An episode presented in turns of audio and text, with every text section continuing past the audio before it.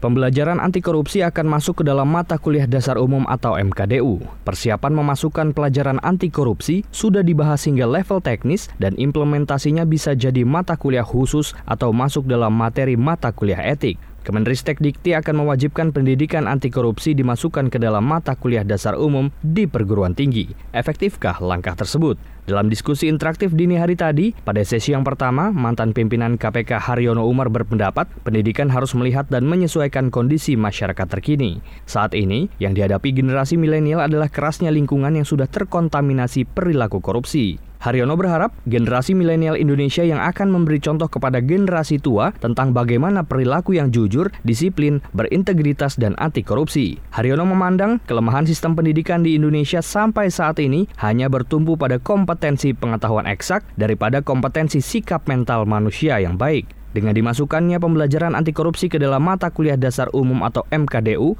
diharapkan dapat mengisi kekosongan pendidikan mental bagi generasi emas Indonesia. Sebetulnya kan Presiden juga sudah mengatakan bahwa pendidikan itu harus melihat bagaimana kondisi yang sekarang. Nah, sekarang ini kan yang menjadi gangguan bagi generasi yang milenial ini untuk terjun ke dunia pendidikan, itu begitu nanti dia terjun, dia akan hadapi betapa kerasnya lingkungan yang yang sudah terkontaminasi tersebut. Kalau mereka tidak kuat, mereka itu nanti akan dipengaruhi oleh lingkungan. Kita mengharapkan mereka-mereka ini justru yang akan mewarnai lingkungan, yang akan memberi contoh kepada mereka-mereka yang sudah senior bahwa ini loh yang namanya generasi, yang namanya pegawai yang baik itu, yang anti korupsi, berintegritas. Kelemahan pendidikan kita selama ini hanya bertumpu pada yang saya sebut sebagai explicit competence, hanya memperhatikan yang namanya pengetahuan apa itu matematika, biologi segala macam, kemudian skillnya ya ada sedikit-sedikit, kemudian uh, attitude-nya juga sedikit-sedikit. Kita lupakan pendidikan yang disebut dengan tacit competence.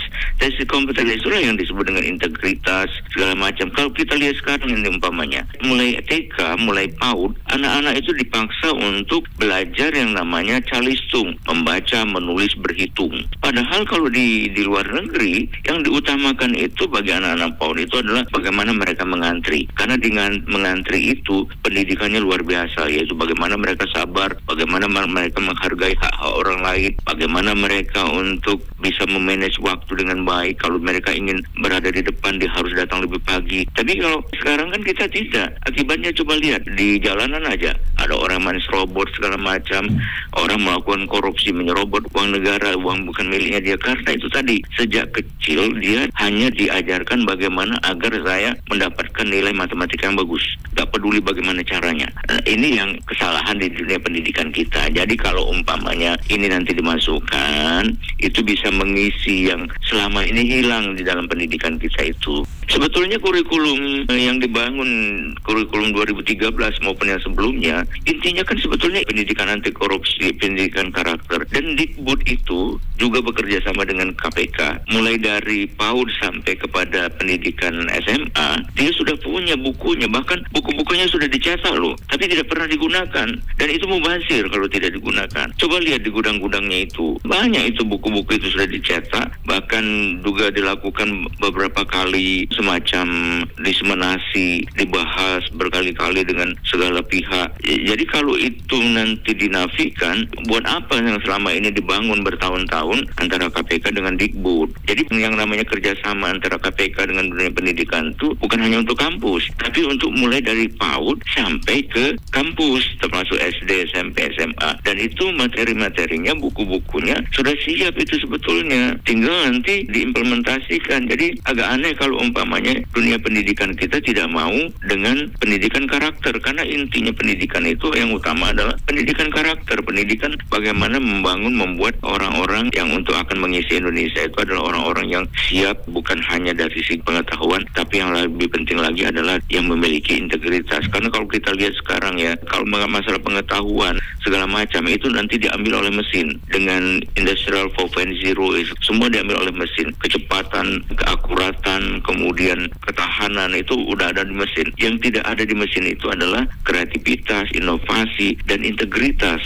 Itulah yang disebut dengan pendidikan karakter. Itu artinya kalau kita melupakan itu, kita siap-siap nanti akan menghasilkan generasi Indonesia emas, tetapi mereka tidak mampu bersaing. Sementara itu, pada diskusi interaktif sesi yang kedua, Penasehat Masyarakat Anti Korupsi atau Maki Budi Yuwono mengapresiasi upaya pemerintah untuk memasukkan pembelajaran anti korupsi ke dalam mata kuliah dasar umum atau MKDU. Dikatakan Budi Yuwono, untuk memperkuat pendidikan anti korupsi, diperlukan juga pendidikan budi pekerti yang mendasari perbuatan baik yang dapat menangkal tindakan kejahatan seperti korupsi. Namun di sisi lain, menurut Budi Yuwono, penegakan hukum dan pemberian sanksi hukum yang lebih berat terhadap pelaku tindak pidana korupsi juga harus diberlakukan melalui undang-undang.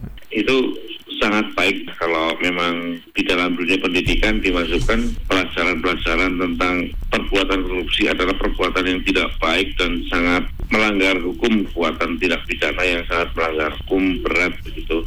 Sehingga untuk memperbaiki akhlak dan mental bangsa kita mulai awalnya dari pendidikan. Tentunya tidak saja hanya pendidikan tentang anti korupsi saja tetapi juga pendidikan tentang budi pekerti yang mendasari bahwa harus uh, memahami perbuatan-perbuatan yang baik sehingga orang akan menyadari bahwa setiap perbuatan korupsi adalah merupakan perbuatan kejahatan. Itu mestinya masuk ke kelompok dalam pendidikan budi pekerti karena perbuatan korupsi ini, ini adalah perbuatan yang dilarang atau tidak baik. Tentunya landasannya adalah budi pekerti dulu. Kalau orang mudah mengerti tentang budi pekerti, mana yang baik, mana yang tidak, dan mana yang harus dihormati, dan mana yang harus dijaga, sehingga itu mendasari tentang perbuatan-perbuatan tidak pidana korupsi itu mestinya harus masuk ke uh, kurikulum tentang budi pekerti. Jadi itu lebih mendasar. Tetapi kalau tanpa dasar itu, orang tanpa diberi landasan dasar mental untuk mendidik itu, itu kan orang tidak pernah akan memahami bahwa korupsi itu tidak baik dan jahat perbuatan perbuatan yang sangat merugikan masyarakat banyak. Jadi landasan dasarnya itu harus masuk ke dalam kurikulum tentang budi pekerti sehingga orang akan memahami bahwa akan tertanam di dalam jiwa sejak dini ditanamkan bahwa korupsi itu tidak baik dan dilarang dengan nyata oleh hukum.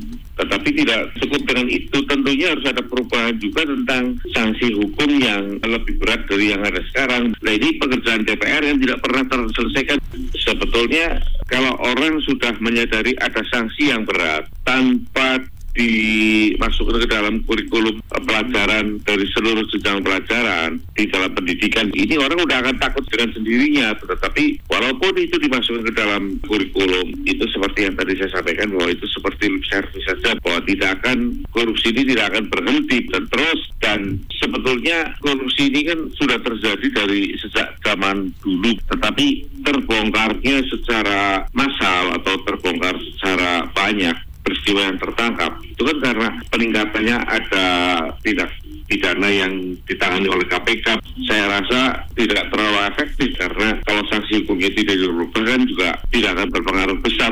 Pendidikannya tetap ditanamkan di dalam seluruh mata pelajaran seluruh tingkat pendidikan dengan pengertian bahwa orang korupsi cukupnya 10 tahun lebih. Inilah orang akan cerah jadi tidak ada orang yang akan mencoba berani bahwa korupsi itu dilakukan kalau hanya korupsi misalnya 2 miliar itu pun nanti disita hartanya yang ada untuk negara tetapi juga sanksi hukumnya yang berat. Nah saya sangat setuju sekali dengan masyarakat yang mengusulkan bahwa koruptor itu tidak diberi remisi dan tidak diberi kesempatan untuk memiliki hak mengajukan pembebasan bersyarat. Nah ini kan merupakan bentuk produk undang-undang yang harus dibuat oleh DPR dan diajukan kepada pemerintah. Nah ini yang harus pemerintah mendorong untuk ke sana agar terbitnya undang-undang di DPR tentang merubah sanksi hukum yang sudah ada ke sanksi hukum yang lebih berat dengan undang-undang yang baru. Ketua Komisi Pemberantasan Korupsi Agus Raharjo mengatakan pendidikan anti korupsi bukan hanya terkait materi pembelajaran terhadap siswa, tetapi juga guru, dosen, para pegawai, dan komponen lainnya. Dalam hal ini, keseluruhan tata kelola perguruan tinggi harus mengedepankan pencegahan korupsi. Agus menegaskan persiapannya harus segera dimulai sehingga pada 1 Juli 2019